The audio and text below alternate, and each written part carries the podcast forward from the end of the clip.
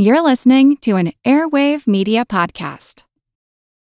When you need mealtime inspiration, it's worth shopping Kroger, where you'll find over 30,000 mouthwatering choices that excite your inner foodie. And no matter what tasty choice you make, you'll enjoy our everyday low prices, plus extra ways to save, like digital coupons worth over $600 each week. You can also save up to $1 off per gallon at the pump with fuel points. More savings and more inspiring flavors make shopping Kroger worth it every time. Kroger, fresh for everyone. Fuel restrictions apply. The world is constantly changing and transforming. Cut through some of the noise with What's New with Wired, a podcast that goes in depth on the latest news and technology and culture. Their award winning journalism will help you make sense of what's happening in the world. Listen to What's New with Wired wherever you get your podcasts. That's What's New with Wired wherever you get your podcasts. This is Kick Ass News. I'm Ben Mathis.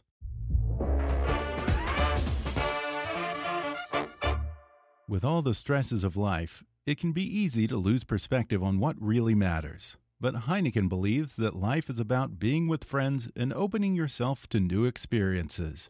Because when you live spontaneously and embrace the unexpected, it's a chance to create new stories and connections. You just have to open it. So enjoy a refreshingly cold, full bodied Heineken lager today with its deep golden color, light fruity aroma, mild bitter taste, and a crisp, clean finish. Cheers! And now, enjoy the podcast. Hi, I'm Ben Mathis. Welcome to Kick Ass News. Got a real treat for you today, folks. The dude himself is coming on the show. I'm talking about Jeff Bridges. You, of course, know Jeff from movies like The Last Picture Show, Tron, Tucker, The Fabulous Baker Boys, The Fisher King, The Big Lebowski, The Contender, Seabiscuit, Iron Man, Crazy Heart, and True Grit, just to name a few. But he's also just this incredibly creative guy who's always chasing his muse wherever it leads him, whether it's photography, making music with his band The Abiders, sculpting, drawing, cartoons writing, you name it.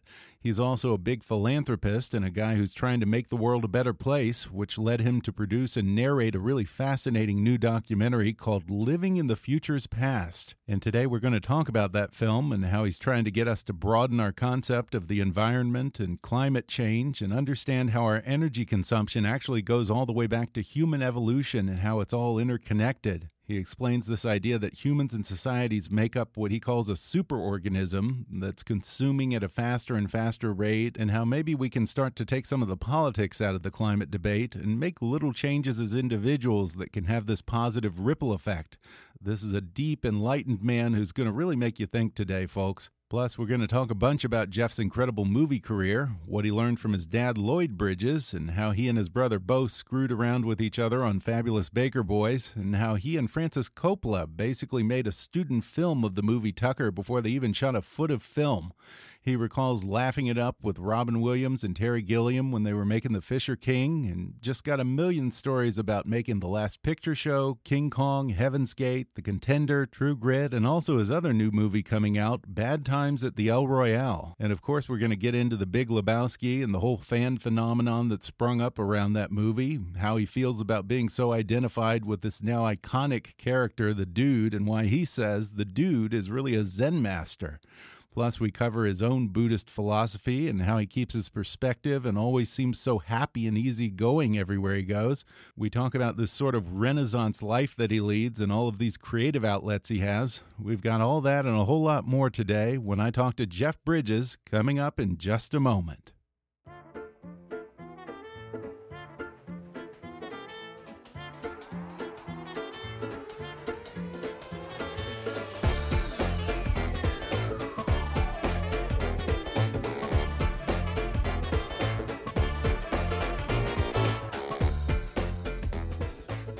Folks, you know actor Jeff Bridges from his dozens of fantastic films, from The Last Picture Show all the way up to his Academy Award winning turn in Crazy Heart. But he's also an accomplished musician with his band Jeff Bridges and the Abiders, an artist, photographer, sculptor, humanitarian, and producer. He recently produced and narrated an important new documentary titled Living in the Future's Past, which opens in theaters Friday, October 5th. Jeff Bridges, how you doing, man? All right, man. How's it cooking, man? Hey, it's great. Such a pleasure. Good to be here. Well, you know, I, I kind of listed all that stuff that you get yourself into. Oh, man. You're kind of a renaissance man art, music, photography. By the way, I'm kicking myself because I forgot to bring your book, your photography book, pictures here to get you to oh, sign yeah. it. But uh, do you find that all these varied interests sort of inform each other? They do. You know, I remember, uh, oh, you know, quite a while ago, I used to get very upset with myself when I'd be, uh, you know, in my hotel room trying to study for a part, looking at the script, and I'd get an idea for a song or something. And uh, I would get mad at myself. I said, "You're supposed to be studying," you know. But then I'm finding that they, yeah, like you say, they inform each other. When I shake up my creativity, it shakes up all the stuff. Yeah. It all comes, yeah, pouring out. Uh, have you ever taken apart, like, say, Crazy Heart or Fabulous Baker Boys, just so you can kind of double down on you know, your music or whatever kind of interest you might have? Well, that certainly, uh, you know, makes the lure more attractive when it has an element like that, you know, Yeah. that I can, you know, explore. It's a lot, lot of fun. Yeah, I have to say, with your finger in so many creative pies the way you do, somehow you're always so cool. How, how the hell do you keep zen when you have all that on your plate? Well, what do you do? You know, it's the just moment to moment thing, man. Oh, You yeah? know, just you know, yeah. And I approach them all basically the, basically the same. Oh, yeah? You know, just kind of uh, getting out of the way. You know, getting out of your own way, letting the thing come through you. You know. Yeah, you know, you did that great. What was the book? Uh, the Zen Master and the Dude. And I know you're a big Buddhist. So. The dude and the Zen Oh, master, the, the Dude yeah. and the Zen Master. I with my good buddy uh, Bernie Glassman. Yeah, yeah. He's a Zen master that I happened to be sitting by uh, in a dinner party, and he leaned over to me and said, "You realize, in many Buddhist circles, the dude is considered the Zen master." I said, "What are you talking about, man? We never talked about anything spiritual or nothing like that." He goes, "Oh yeah," it's, he says the movie's filled with you know uh, Buddhist uh, ideas and concepts. I said, "You're kidding me." He says, "Well, sure. Look who wrote and directed the film." The Coen brothers. You know what a, ko- a koan is? Zen koan, yeah. And then he said that there are koans sprinkled all throughout the thing, and the kind of, you know, Bernie was all about, or is all about, bringing uh, Buddhist thought into modern times, and he suggested that we write a book about uh, about Lebowski and how it uh, some of these Buddhist philosophies that show up in there. So we went two weeks up in my ranch in Montana and wrote this book. That's a good place to Yeah. get zen Yeah. up in Montana. Do you spend most of your time up there? Not most of my time, but uh, a lot of it. We'll be heading up there in a week or so. Yeah. Now, do you still smoke cigars? Because I, I don't smoke like I used to, but I always found that that was a good moment of zen. Time just slows yeah, down. you every know? once in a while, a nice cigar, man. Yeah, I, I don't, you know, I go through periods where I'll smoke them more often than I'm, I haven't smoked them for a while, but Oh, you yeah. got me cigar horny, man. I hear you. I don't smoke them like I used to. I used to probably have one a day or something, and now Uh-huh, it's my doctor said you, you know have a cigar whenever there's a special occasion, like winning the lottery. That's right. there what you go. says. There you go. Uh, you know, I was also a big fan of your dad, Lloyd Mm. Bridges. God, that guy. Comedy, drama, he did it all, I'll didn't he? say. he? Did he teach you much about making movies when you Oh, he young? taught me all the basics, you know, all the basics of acting. Well, uh, When I was, you know, a little kid, he had that TV show called Sea Hunt. hmm Yeah. and uh, you know he, I was on that a few times, uh, and then uh, we got to act uh, as adults together twice uh, in a movie called Tucker and a movie Oh, yeah, called Blown yeah. Away, and that was a great experience to you know Yeah. You know play with the old man again like that. that was a lot of fun. Did you ever try to compete with each other? No, uh, not I wouldn't say compete. Yeah. Now my brother Bo and I. Oh yeah. in, ba- Really? in Fabulous Baker Boys, you know, he is uh, he is my uh, you know my older brother by about eight years. Do you have any brothers or sisters? Uh, I have a younger brother by about Oh, oh. three. So you probably teased your younger brother, Oh yeah. didn't you? Yeah. Oh yeah. So I, oh yeah. so but we I- never made a movie together. yeah. So Mike Bo and I, you know, we would we would tease each other. Yeah. Both, but he would often, you know, get me good. And we would challenge each other in different different scenes and so forth. Yeah, so a little bit of that was real in the movie. yeah, huh? yeah, well, yeah, but it was in, all in good. You know, In like we humor. would challenge. We would say, "I dare you in this next take to blink prominently, blink seven times." You know. Or, or you know, just stupid little things like that. Or I want you to, you know, I'll do that if you do this next take standing on one foot. Yeah, just to yeah tease each other. You know. Did you two have much of a sibling rivalry that you could tap into for that No, movie? it wasn't. No, we didn't. Yeah. You know, we didn't have. Uh, teasing. Now, Bo, uh, I think the fact that he was eight years old or three might put Yeah. a little bit more of that competition spirit.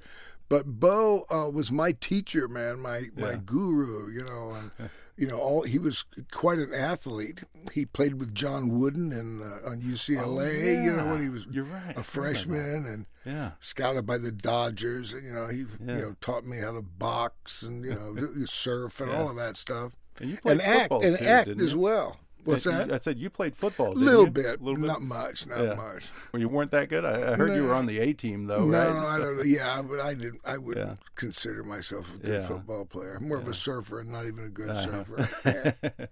Now you mentioned Tucker. I've always loved that movie ever since I saw it Uh-huh. when I was young. You know, it's great because it gets the other side of the American dream. The guys who dare to dream and try and then the world screws them somehow. Yeah. But you still applaud them for just getting up off their ass and trying. yeah, and he stuck with it. He came Mm-hmm. up with some other good inventions after that as well. Right, right. What was it like working with Coppola? Oh, it was a dream. Yeah. He was such a, a wonderful director. He did something quite unique. Uh, we had a two week rehearsal period on that show. And the second week, know, first week was spent just getting to know each other, sitting around the table, reading some scenes. And the next week, he got the, all the company together and he said, All right, now this week, we're going to shoot the entire movie and uh, we're only going to do each scene one time. Now, you actors get your lines down as best you can, and you know, you costume people, you know, you need a wedding dress. Look at these drapes; these would be good, you know. And Vittorio Storaro, our esteemed uh, DP, you, Yeah. he will be in this uh, wheelchair. That'll be our dolly. And he gave this feeling like, you know, the little rascals, you know, our gang comedy. It was kind of, Yeah, come let's on, let's make a a, show." movie. Let's Yeah. put on a show. and he shot this whole thing. We did the whole movie in that one week on video cameras Oh, really? in, in Not- not sequence. No, on video cameras, and uh, and then what we didn't know was that to and from work, he was editing all this. So at the end of that week, he gave us the movie. He said, "Here now, we just have to polish it up." And but this is it, and that was an invaluable thing to to have because as an actor, you know, you often shoot things out of sequence, and here Yeah. you can really, re- ref, you know, reference the thing, and it really ingrained the story that we were That's incredible. Yeah. So, so you had the movie before you actually shot the movie. Yeah, and he and I found out that he even went farther back than that. He storyboarded, you know, made little uh, like like, a, like in a cartoon book of each scene, Uh-huh. and then as so that was like the movie in its entirety, and then as he made the videos, that would it, it replace that, and so and then as the real movie, that would replace that. So it always was in existence. Yeah, that must be great for an actor because you know so many times you probably go on the set and director can try and explain their vision to an actor, but you don't get the full picture like you would with an experience like that. Yeah, it was really uh, it was really terrific, and Francis came up with a lot of his uh, you know beautiful kind of low tech. Uh, you know, special effects. You know, Yeah. that are so, Yeah, he's so great great, at. and that movie. He was just playing with that Yeah. too. How old were you when you did Last Picture Show? Because that was like your big breakout. Yeah. I, I must have been about twenty or so, 20 something Wow, like that. Pretty young. Yeah, I think you were like what? uh, Nominated, The first, yeah. or the youngest guy to get nominated for Best Actor. yeah. or I whatever, don't, I don't know right? what, what it was, but yeah, it Some was a, record, It was yeah. a thrill, man. I'll Yeah. Now you know when you're 20 years old and you're nominated for Best Actor and you, you got all that Best fame supporting off of a big, actor. oh, sorry, Best Best, supporting, supporting, actor. yeah. Yeah, you got all that fame. That didn't go to your head at that age, or were you always able to keep it in check even back then? Yeah, I did. I don't remember it going to my head too much. It Yeah. felt wonderful. Yeah, I'm sure. Uh, it's great to be acknowledged like that, you know, Yeah. by your peers, by the guys who do what you do, yeah. And they give you an attaboy. Oh man, it feels great. Yeah, the, the Academy has acknowledged you so many times because you're a different cat from most actors, especially the actors who came up in the 70s new wave cinema, where you had guys like De Niro, Pacino, Hoffman, all these guys who went big in terms of an emotion and high drama and that kind of thing. Whereas you, you're so unself conscious, you're so unpretentious when you're in a film that. I don't want to say that uh, the cliche that uh, you make it look effortless, but you do. How do you make a role seem like such a natural extension of yourself? Yeah, well, that's kind of the idea. Um, not only in acting, but I think all for me, you know, uh, and um, in, in all facets of uh, movie making, it's kind of the same assignment. You know, you want it to be real. You know, you want it to be interesting. You want to look like it's it's happening at the first time. You know, and you can take those uh, ideas and uh, supply them to makeup. You know, like you want the makeup to be look real. You know, Yeah. you want it to be interesting, but you don't want it to look so interesting that it distracts from the story. yeah, you know, especially the prosthetics. all of those things, uh, and uh, and then you want it to make it look like it's no big deal. So you you you want to have no um, apparent obligation to the audience. You know, Yeah. no apparent. Of course, you have an obligation, but you you you don't want to. You want to be just give them the idea that they're just a fly on the wall checking it out. You know. Yeah, yeah. I mean, every movie that I've ever seen you in, it just seems like the audience just kind of wandered through the scene and just happened to Good, catch good. it. Thank you. I mean, there's a certain genius to that, I think. Uh, now, was King Kong the first big studio film that you did after Picture Show? Oh man, I don't have my filmography. That was I remember the date. That was uh, seventy six. You know, Yeah. Uh, so I remember that, uh, but I can't remember if it was the first thing. I remember my mom showed me that when I was young on video, and I Oh, just loved it. But uh, those special effects have not aged Eh? well. Oh, come you and on. Jessica Lange are oh, fantastic. Man, oh, yeah.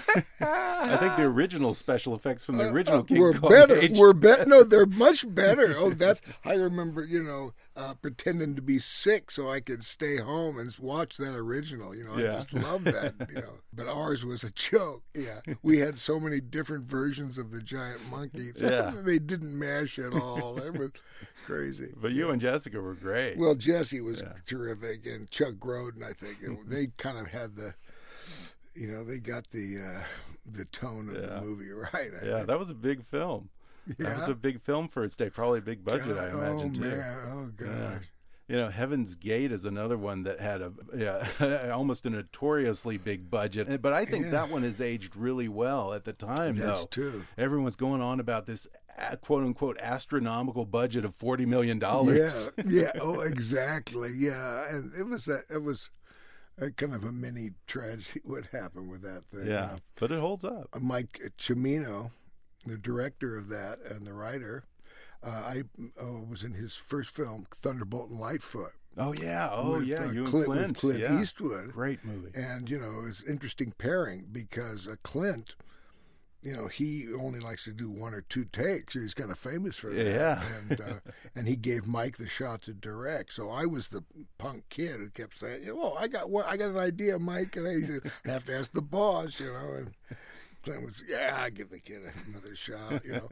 and so I really was very thankful for that. And then, you know, a few years later, we were doing Heaven's Gate and we'd be doing you know 50 60 takes sometimes on you know uh, trying to catch that you know Yeah. that happy accident but that film as you say i think has held up very well Oh, yeah. uh, you know it came out at a time when everybody was used to the very fast cutting of mtv and so forth so it was Right, hard to yeah, yeah, get in with the, 80s, the yeah. slower Mhm. um, tempo that uh, Cimino was creating. But I think that yeah, it's a wonderful, wonderful movie. Yeah. It's, it's um, the theme of that movie, kind of uh, you know what cynicism costs, and following Oh, that yeah. Kristofferson's main character. Um, it's really something. Yeah, yeah, yeah. It's still one of my favorites. You know, it must be funny to look back at that movie, the fuss that they made over forty million dollars. Oh, You know, and then look ahead to say Iron Man, which he did with two hundred million dollar movie, right. and they didn't even have a script from what Can I you believe that, man? Yeah. Yeah, and with Cimino, you know, I think what happened with that thing is, uh, you know, he was the darling of Hollywood. He just did Deer, the Deer Hunter, you know, which Mhm, was yeah, a remarkable film. And they said, "Whatever you want, kid," you know. And he said, "Well, I got this epic western." And he said, "Okay." And so they, he did it. He, but he he says, "I don't want any suits on the studio, you know, at the, uh, at the Oh, yeah. location, Studio, and yeah. no press." And and I think people resented that, and you know, Mm-hmm. I think it kind of came back and bit him in Oh, interesting. Okay, Yeah. so there was there, there was a little bit of people kind of rooting for him to fail. Yeah, I think so. the exec side. Yeah. Oh, that's too bad, but good movie. You know, Fisher King, another great one. Robin. Did Mm. you feel like you had to up your funny game when you were working with them? No, I was a, I was a little concerned. You know, him being such a you know brilliant um, uh, comedian, that this had some serious stuff in it, and I kept worrying about. You know, I had I had this one scene where he's supposed to be in a coma, you know, out unconscious, and I have this big monologue, and I kept being frightened that he would, you know, be trying to bust my chops or wink at me or something. But he would, was just the opposite. Oh, he yeah. was so uh, so supportive Yeah. and uh, such a wonderful, wonderful Yeah, guy. man, Loved what a pro. Ah. Yeah, and then on the other side, you know, talking about you know the comic genius, you know, uh, you had uh, the director. Oh, uh, of Terry Gilliam. Terry Gilliam, Yeah. who was as you know much of a wild kid as Robin. Yeah. and you know sometimes we'd be shooting late, at, you know, early in the morning, four o'clock in the morning. Everybody's dragging, and Robin would just get up, plant his feet, and do like ten minutes of busting everybody's chops around in the crew, you know. And most directors would then, at that point say, "Okay, let's get back to work." Yeah. But Terry would just egg him on. Oh, yeah? and it would go on for about a half hour until it, we just got into this state, you know, of uh, hilarity, and then we would, you know, have juice to continue the scenes. Yeah. And I remember that you narrated the documentary on Terry's Don Quixote, Oh, famous yeah. Don, Don Quixote movie. What's going on with that? Well, Aren't they I- I- finally no, getting he, that yeah, made? I man, he got it made. I haven't seen After it, and I haven't years. talked to Terry in a long time. But Yeah. I'm so happy that he got it made. Yeah, yeah, I'm looking forward to that one for sure. Yeah. Yeah, you know, I was thinking about you just the other day watching the Brett Kavanaugh hearings. Got me thinking about the contender. Uh-huh, Aha! Right. I, I understand that you are Obama's favorite movie president, right? I heard that. That was very sweet. I like that. I like Yeah. to think of that. Yeah, yeah. And, uh, one of my favorite lines in that was when you talk about the shark sandwich Oh, right. moment. Right. say the president can order whatever he wants in the middle of the night. You can get a shark sandwich when you're president. We're going to take a quick break, and then I'll return with more with Jeff Bridges when we come back in just a minute.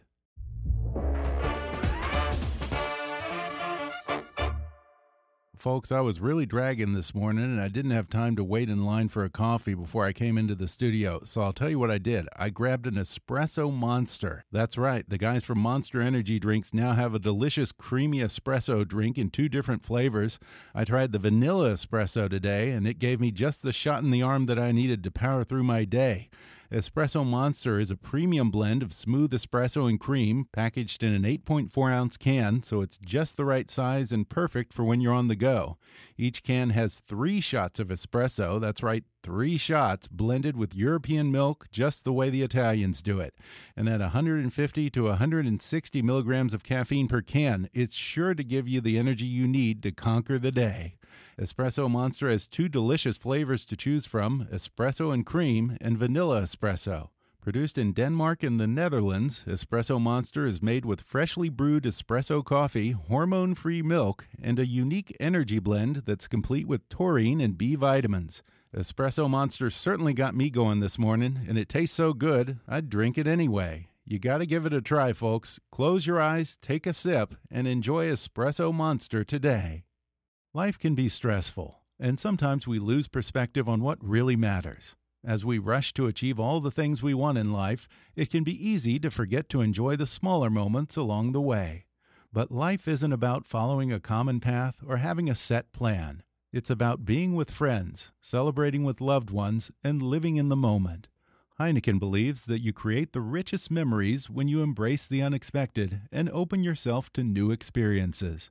That's why Heineken encourages everyone to live spontaneously. Because when you embrace the unexpected, things like exploring new parties, enjoying the summertime, watching exciting soccer matches, and celebrating the holidays with your family all become chances to create new stories and connections. You just have to open it up. So enjoy a refreshingly cold, full bodied Heineken lager today with its deep golden color, light fruity aroma, mild bitter taste, and a crisp, clean finish. Cheers. And now, back to the podcast. How many times do you get addressed as the dude in an average day? Uh, gee, uh, maybe you know, maybe about you know, uh, once every three or four days. Oh, know, really? Like that. Yeah. That infrequently, because Yeah. that that is a crazy fan base for Oh yeah. Oh yeah. I'm but, but realistically about like that. but uh, God, what a what a great Yeah. movie that is. I'm so uh, pleased to be a part of that. and you seem to have embraced the whole fandom. Are, are you comfortable with being so identified with a particular role? Oh, definitely. Yeah. Gosh. Yeah, I've been to a couple of uh, Lebowski fests, you know, and celebrated with folks. This is the this is a, its twentieth anniversary. Can you believe that? Twenty Yeah. years, Man, how time flies. Wow. Jeez. Yeah. Do you feel old when someone reminds I you that there's an anniversary, 20 year anniversary of a movie you made mid career, I can't the way? believe it. I cannot believe it. It goes so fast. Yeah, now you worked with the Coen brothers again not that long ago, I guess, with True Grit. Yeah. I was skeptical. I got to be honest with you, Jeff. Uh-huh. You know, True Grit. I'm a fan of the Duke. Yeah. But you pulled it off at the time. Were you worried about you know stepping into John Wayne's shoes and all that, or did you just kind of trust the Coens? Yeah, you know, I was uh, making a movie when they called me up and they asked me if I wanted to be in this movie they were making, True Grit. I said, "What? Are you, you're making True Grit?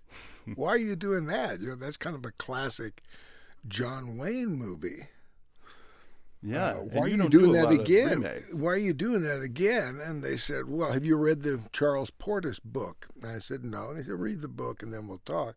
So I read the book, and the book reads like a Coen Brother movie. I mean, it, re- or it really does. It's like a Yeah. Coen Brother script, you know. Yeah. And so I could see what they were talking about. I said, "Okay, guys, I'm in." And once I did that, I really didn't, um, you know, study the uh, Duke, or uh, you know, I wasn't cons- too much Right. Yeah, concerned. you- you didn't I wanna just do an jumped in. I just jumped in and, and did it. Yeah, And and the you were script was, you know, the script was so terrific. Yeah. And Hailee, you know, she was wonderful to work with too. Yeah. Hailee Steinfeld. Yeah, it's an amazing career because you have got dozens of my favorite movies, and I understand. Although I hear some of these stories are apocryphal, you know that there are a number of famous movie roles you turned down. Supposedly that- Indiana well, that's Jones, not true. but that's not Nah, true. None right? of none of that's Yeah. true. That got somehow on Yeah. some kind of um, list or something, but uh, not true. Yeah, and, and so I, I have to confess that I went on IMDb and I was like looking at supposedly all the roles you were considered for, some of which Ah. seemed strange to me, like Taxi Driver and Total Recall, Batman. Uh-huh, uh-huh. Those He- are all good. Is there a movie that is the one that got away for you that you think about? No, still? I remember uh, Total Recall. Now I haven't thought about that in a long time, and I remember that was a, a who ended up. It was Arnold ended up doing Yeah, it. Arnold. Yeah, yeah. but this was uh, a long time ago. I remember that was an interesting story. But uh, no, Yeah. not really. None, none, none that really you know stuck in my craw. Yeah, yeah. No, you don't seem to get your feathers too ruffled about uh, even with movies that you've made. You know, you, do, do you kind of just let it go once you're done and on to the Well, next you know, project? yeah, usually uh, y- with y- that? your mind is so into the thing that's currently happening. Mm-hmm. By the time the movie's coming out, yeah. uh, there's a tension on it, but it's kind of like uh, you know, it's, you're, you know, you're like you got a horse in the race. You know, Yeah. "Ah, it's coming out. Come on, let's go. Oh, oh no. Oh, oh, it's getting a couple bad. Oh, it's not. All right, I'll do it. I'll- or oh, it's great, and you have Yeah. a chance to celebrate. You know, every once in a while, and this is what keeps me coming back. You know, because there's so many components to making a movie successful, Mm-hmm. creatively, you know, financially, and all that. yeah. But every you've got you know high expectations, yeah. And every once in a while it all comes together and it yeah. succeeds your expectations. Yeah, and that's Lebowski was like that. You know, yeah. stuff that's rare. Picture show is like that. You know, mm-hmm. it's rare, but when it happens, it's really astounding. Wonderful it, viewing. Yeah, it seems to happen for you more than it does for most. Yeah, well, I've been I've been lucky. I've been really you know yeah. got a chance to work with yeah. some great folks, great stories. Now you you've had a busy year so far. You have two movies coming out within the span of a week from each That's other. Right. You've got uh, Bad Times at the El Royale, and then you've got this amazing documentary Living in the Future's Past. Yeah. Explain what that title means, because I had to work yeah. it in my head for a yeah, while. Living in the Future's Past. Yeah. That's a metaphor for tuning in to what's already here, man. This is the future's is, past, okay. where we are right now. Uh, our movie, uh, you know, kind of takes a look under the hood of humanity, says, you know, what makes us tick? Why are we responding in the way that we uh, are responding to this situation of our planet heating up and what is our part in that. We tend to think that consumerism and keeping up with the Joneses and things like wanting to maximize the return on our investments are these very modern human traits. But as you find out in the movie, it seems that there are much more primal roots to those things. That's right. That is right. And it's how are we going to um, move into the future wisely? You know, we don't. Uh, yeah we don't always make the wise decisions, but we're no. certainly capable of wisdom, yeah. and we're flexible. We're a flexible species. You know, we're well, we're nature herself. You know, an expression of nature. Yeah. And uh, one of our the aspects about us is that we can reason. We can look at uh, look at our past. You know, have a, mm-hmm. the longer view. You know, which is not only looking forward but looking back and saying, what makes us tick? And you kind of you explore that, get it out in front of you, and then uh, your I think your wisdom your wisdom increases, your choices that you make. Yeah, yeah. I mean, it's almost a psychological therapy process you know of you know once you understand why you have these impulses and all the history behind it and that it goes back to something way way way before you you know this primal animalistic thing of yeah. survival and so forth only once you start to understand the psychology of it can you start to alter that behavior. That's well said, well said. And some of those uh, aspects of ourselves really served us well in the past, mm-hmm.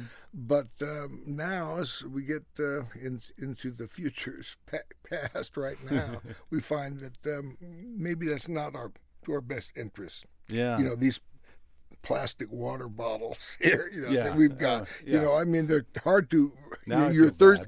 yeah, you're thirsty. You know, don't feel bad, but just notice, man. You know, uh, you know, a little hypocritical. Uh, yeah, no, but it's tough. It's tough, man, because it so they're all over the place. Yeah. You're thirsty. You got a little plastic thing, but the, um, you know. Uh, they don't uh, biodegrade. Mm-hmm. You know, they say they say you think it would, but it just gets smaller and smaller. Fish eat it, Yeah. ruins the fish. We eat the fish. You know, it's the chain Yeah. thing. There's an organization that I belong to called Plastic Pollution Coalition that's Mm-hmm. all about getting rid of single-use plastics and water bottles are one Yeah. of those. Hey, don't blame me, man. Blame blame the good folks at NPR then. No, no, nobody say no. It's not about blame. or blame just- the government. I guess you could blame the government if you want to go big picture with that. Then Yeah, I don't know about the blaming thing. You know, that can kind of, you know, it's so you know, there's Yeah. so much to blame Mm-hmm. that I know with myself, it tend, it makes me want to just throw up my hands. I get cynical. You know, I say, oh, Yeah. what the hell? You know, what can I do? You know, it's too Yeah. big, man. yeah, Uh, one of my heroes is a guy named Bucky Fuller. Buckminster Fuller. oh yeah, you know yeah, who Bucky yeah. is? You know? Uh, I'm, we're not on a first name basis. You so I- know, well, I- he's I gone I anymore. go He's gone now, but I like to call him Bucky. I don't Alright. think he'd mind. But he's a uh, an inventor, a scientist, philosopher, and he wrote a great book uh, called "Operating Manual for Spaceship Earth," which is a wonderful one. Yeah. But he he made an interesting observation. Um, about oil tankers, you know, these huge vessels and uh, the engineers were particularly challenged by this big rudder that had to turn the ship and they were finding it took too much energy to turn that rudder. There was too much resistance. So they came up with a very simple elegant uh, solution of putting a little rudder on the big rudder. And that little rudder turns the big rudder the big rudder turns the ship. And Yeah. that little rudder is called a trim tab. And bucky says we are all trim tabs, and this is it's a metaphor for uh, how the individual affects society. Mm-hmm. That we can align ourselves with groups that are more powerful than ourselves, or create groups that are more powerful than yeah. ourselves.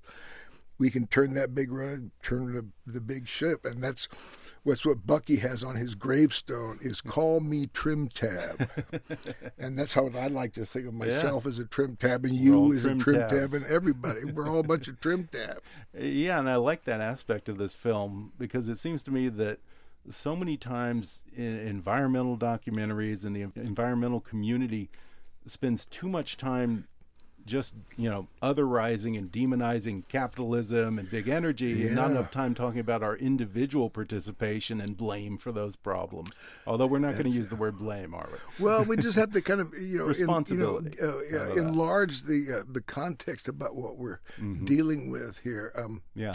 you know remember like when, when kennedy you know said in 10 years we're putting a man on the moon Mm-hmm. Prior to that, all of the you know discussion about or the disagreements about what's the fuel and the shape of the rocket that, that kind of like stopped any action because there was all yeah. this yeah. Uh, argument.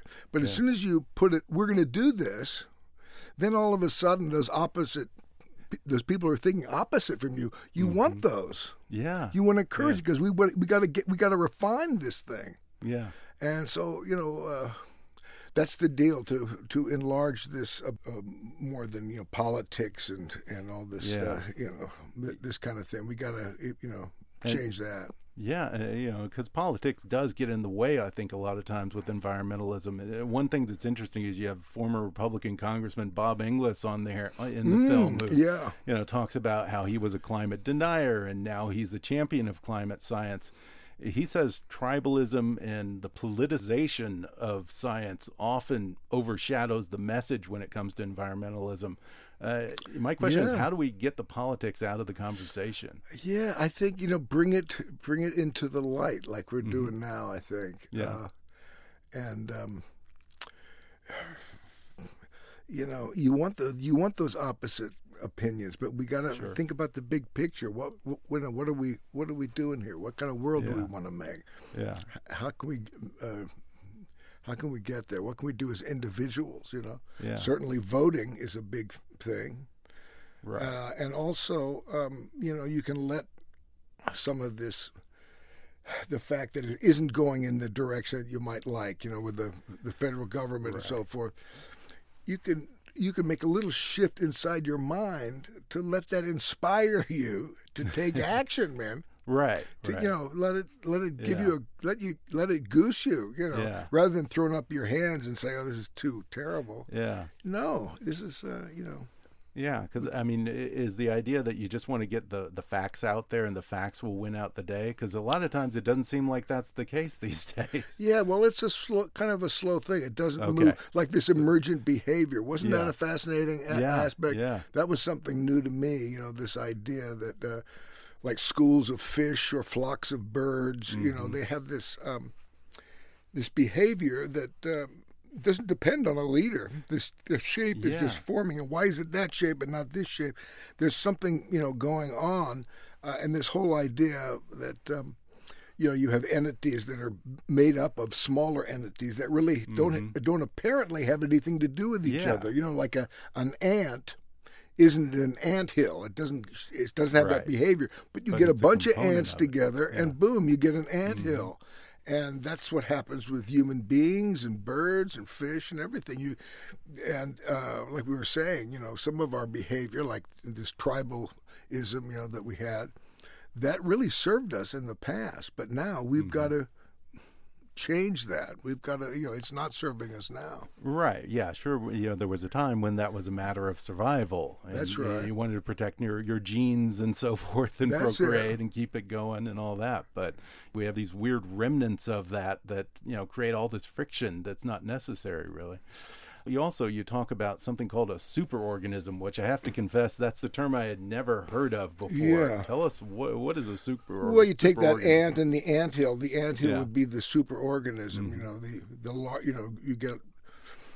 Uh, you step away from the picture and you see a a, a yeah. larger entity there that's happening. You know.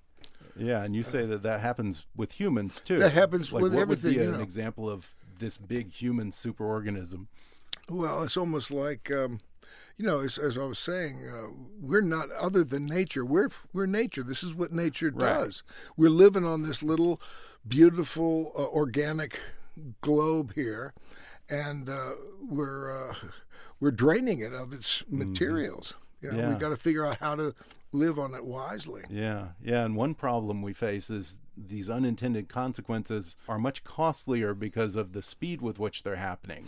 Well, we we that's think it's just technology and life is getting faster, but also our impact on the environment is happening faster than it, than it used to hundred years ago or five hundred right. years ago. Huh? Yeah, as well as the climate change. You Right. know, in, in, in correspondence to that, uh, you know, the, this this going back and forth, the Earth is that's happened, you know, for eons, you know, but it's happening quicker now than it is historically happened. Not giving, you know, uh, chance for plants and animals to evolve fast enough to adapt to it Yeah, and, uh, and right along with this time, we're using this compre- uh, this precious uh, fossil fuels, these buried dinosaurs, and you know all this carbon down there, and that's going to run out. And uh, my wish is that we're we would be using that precious uh, substance to fuel changing over, changing over to a new Yeah. energy source, Right. and that's going to take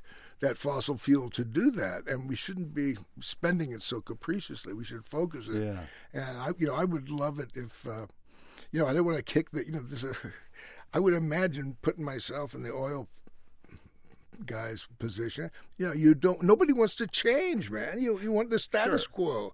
You know, but if there was some way to get those all the oil guys to um, you know be the energy folks, but sh- switch us over. You know, in the most Right. intelligent way. And who knows? Maybe maybe you know one of these uh, top oil guys will see our movie and say, "Hey, maybe man." you never know. Yeah, better get to Yeah. work here. Yeah, and I like that approach of, you know, we have to preserve this resource of oil for now because, you know, right now solar can't take over all of our energy needs unless unless of course we drastically reduce our energy needs. Yeah, which well, is also a part of this. It's a, kind of a combination Mm-hmm. of um, what what's going to work. You know, I was thinking like, um, and we're capable of doing that.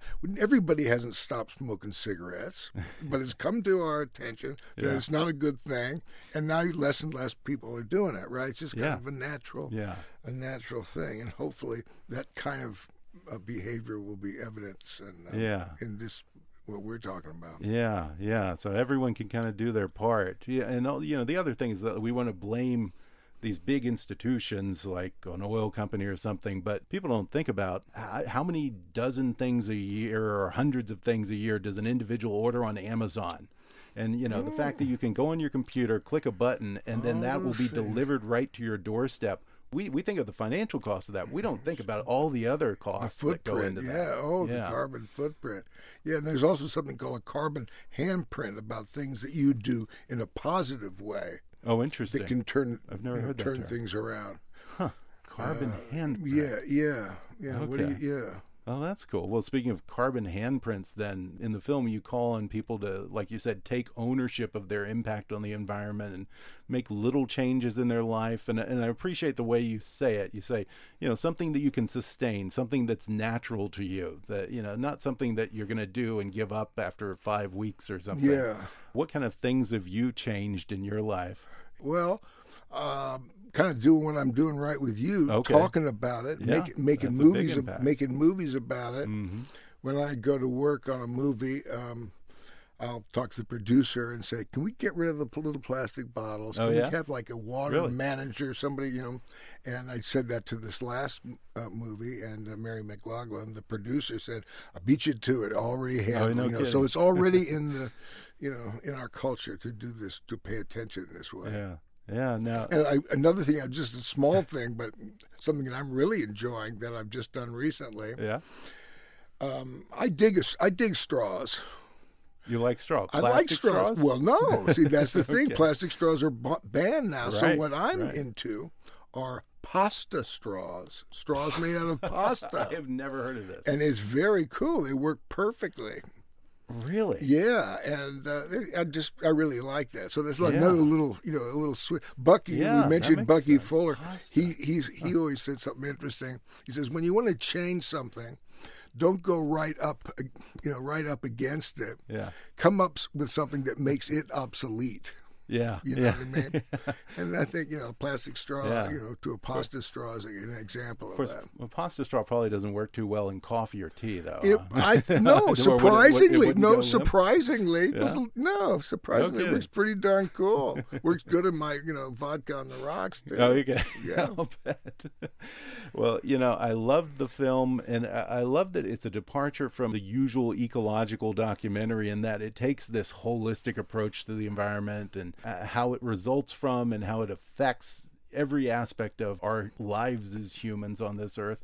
Um, do you think that we need to stop framing the conversation in terms of us saving the planet as if it's some altruistic in, endeavor oh, and amen. acknowledge that hey we're part of this too and it's as much about saving ourselves as it is about saving the planet amen amen uh, and it's just natural mm-hmm. it's, you know yeah. i say we're part of nature well this is very natural behavior what we're doing right yeah um, one of the sure. things that we're hoping uh, for we intending to do is to um, make other films like this and create a curriculum for these mm, uh, yeah. films and and and uh, have it taught in school, all different levels of school, yeah, and to keep idea. this conversation going, and. Um, you know the youth that's where the answers yeah you know, these guys are going to come up with yeah. some good stuff but we got to uh, you know, facilitate them doing mm-hmm. that. You know. Yeah, yeah. It's definitely it has to be a generational endeavor. Yeah. Um, by the way, I'm dying to see your other movie you have coming out a week after this uh-huh. one, Bad Times at the El Royale. Oh yeah.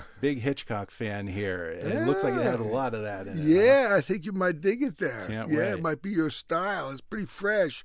I remember reading uh, the script and. Uh, I'm pretty, you know, I resist getting involved because I know what, you know what, what, it means. You can't do other movies when you're doing this one, you know, yeah. for one thing. But when I read this script, I thought, oh yeah, we got one here. This could be cool. you know, it's it's uh, very different. You think it's going to oh, yeah. go one way, it goes another way. Looks like a winner. Yeah. Now, now is the hotel in that based on uh, what was it, the Cal Neva Cal Tahoe? Neva. Yeah, I think I think it probably was. Yeah. I don't know for a fact, but yeah. I think it might be. Yeah, well, I can't wait to see that as well. And this film was fantastic. Before we go, I don't know if this is a question for Jeff Bridges or the dude, or maybe a little bit of both, but you are a guy who seems to really have it figured out. Do you have a handle on the secret of life? And if so, what is it? Well, I think that you know in your sentence there it seems to have it. I'll figure out. Seems, seems is the good uh, okay. is the big word in caps, bold caps. Okay. Uh, but no, you know, I'm I'm just you know doing my doing my best, and uh, I'm as uh, you know stressed out and anxious as the next guy. You know, but no, I'm an really? act, but I'm an you actor. Well. I'm an actor, man. I present a cool front. You know, man, you sure do. Well, Living in the Future's Past opens October 5th, and Bad Times at the El Royale opens the following weekend, October 12th. Jeff Bridges, thanks so much. It's been fun. All right, good hanging. Keep it man. up, man. Good hanging. Thanks again to the great Jeff Bridges for coming on the podcast. One more time, Living in the Future's Past opens in theaters Friday, October 5th. For more information and showtimes, visit livinginthefuturespastfilm.com. You can also keep up with Jeff at jeffbridges.com and be sure to catch his other movie, Bad Times at the El Royale, opening next week in theaters October 12th. Folks, I was just telling you earlier how I got my day started with an espresso monster today. When you need energy on the go and don't have time to wait in line, grab Espresso Monster. Espresso Monster is a premium blend of espresso and cream made with freshly brewed espresso coffee, hormone free milk, and a unique energy blend complete with taurine and B vitamins. Each can has three shots of espresso and comes in vanilla espresso or espresso and cream flavors. Close your eyes, take a sip, and enjoy Espresso Monster today. If you haven't already, be sure to subscribe to Kickass News on iTunes and leave us a review. You can follow us on Facebook or on Twitter at, at KickassNewsPod. And as always, I welcome your comments, questions, and ideas at comments at kickassnews.com. I'm Ben Mathis, and thanks for listening to Kickass News.